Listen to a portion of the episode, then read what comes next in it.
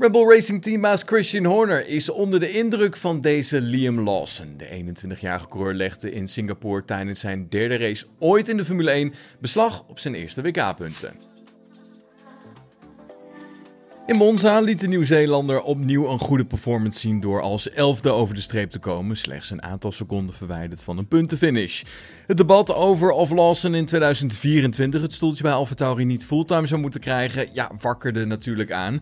Maar veel experts en analisten wilden hem eerst tijdens de Grand Prix van Singapore in actie zien. Een uitdagende en slopende race. Hierbij werd Lawson afgelopen zondag negende, waarmee hij zijn allereerste twee WK-punten in de Formule 1 uit het vuur wist te slepen. Ligt in de lijn der verwachting dat hij ook in Japan nog achter het stuur zal zitten, al is dit nog niet officieel bevestigd. Nou, gezien het feit dat AlphaTauri het opleidingsteam van Rebel Racing is, zijn velen van mening dat Lawson, gezien zijn goede performance, meer recht heeft op het zitje dan een oudgediende zoals Daniel Ricciardo. Maar goed, Horner laat zijn kijk op de zaak nog even in het midden. Hij heeft het geweldig gedaan in die auto, zo klinkt het na de race tegenover Viaplay. Hij heeft hard gevochten en ik denk dat iedereen bij Rebel Racing erg onder de indruk is van wat hij heeft gedaan. Hij bepleit een sterke zaak voor zichzelf, al dus Christian Horner. Maar goed, ondanks die puntjes staat het team van AlphaTauri nog steeds onderaan. Plek 10 staat het team dus van AlphaTauri. Lawson en Tsunoda hebben in totaal 5 punten weten te verzamelen. Het team van Joe en Bottas, Alfa Romeo, staat op plek 9 met 10 punten. Twee puntjes meer heeft het team van Haas. Zij staan op plek 8. Williams heeft 21 punten weten te verzamelen dit seizoen en staan daarmee op plek 7. Het team van Ocon en Gasly Alpine staat op plek 6 met 81 punten. En Norris en Piastri hebben samen 139 punten weten te verzamelen. Het team van Aston Martin heeft 217 punten weten te verzamelen en staan daarmee op plek 4. Het team van Leclerc en Sainz, Ferrari, staat op plek 3 met 265.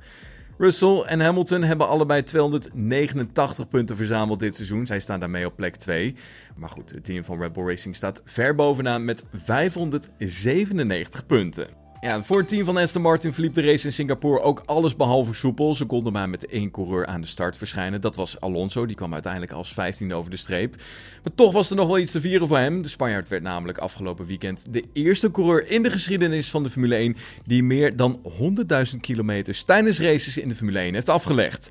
Alonso heeft nog een contract tot en met het einde van 2024 bij Aston Martin, maar lijkt voorlopig niet van plan te zijn om te stoppen. En Peter Windsor is van mening dat het niet kwam door de nieuwe controle van de FIA op de bewegende vleugels dat Max Verstappen en Sergio Perez tijdens de Grand Prix van Singapore niet mee konden doen om de zegen. Hier heeft hij namelijk over geïnformeerd bij Adrian Newey. Veel mensen suggereerden na zaterdag en zondag dat de nieuwe controle van de FIA op bewegende vleugels de reden was dat Verstappen en Perez samen met Rebel Racing het lastig had in Singapore. Maar Verstappen gaf zelf al aan dat het een andere reden was voor de matige kwalificatie. Nou, Windsor sprak met Newey, de ontwerper van de succesvolle RB19 en keek me aan alsof ik gek was en zei: Nee, natuurlijk niet. We hebben een fantastische fase gehad, maar dit is gewoon een minder weekend. Het was een kwestie van bepaalde dingen in de setup die niet klopten, zoals de hoogte enzovoort. Zo vertelt Windsor over zijn gesprek met Newey op zijn eigen kanaal. Was hem dan het GP nieuws hier op Spotify. Vond je dit een leuke aflevering? Vergeet ons dan zeker niet te volgen of laat even een recensie achter en dan zien we je morgen weer. Tot dan. Hoi.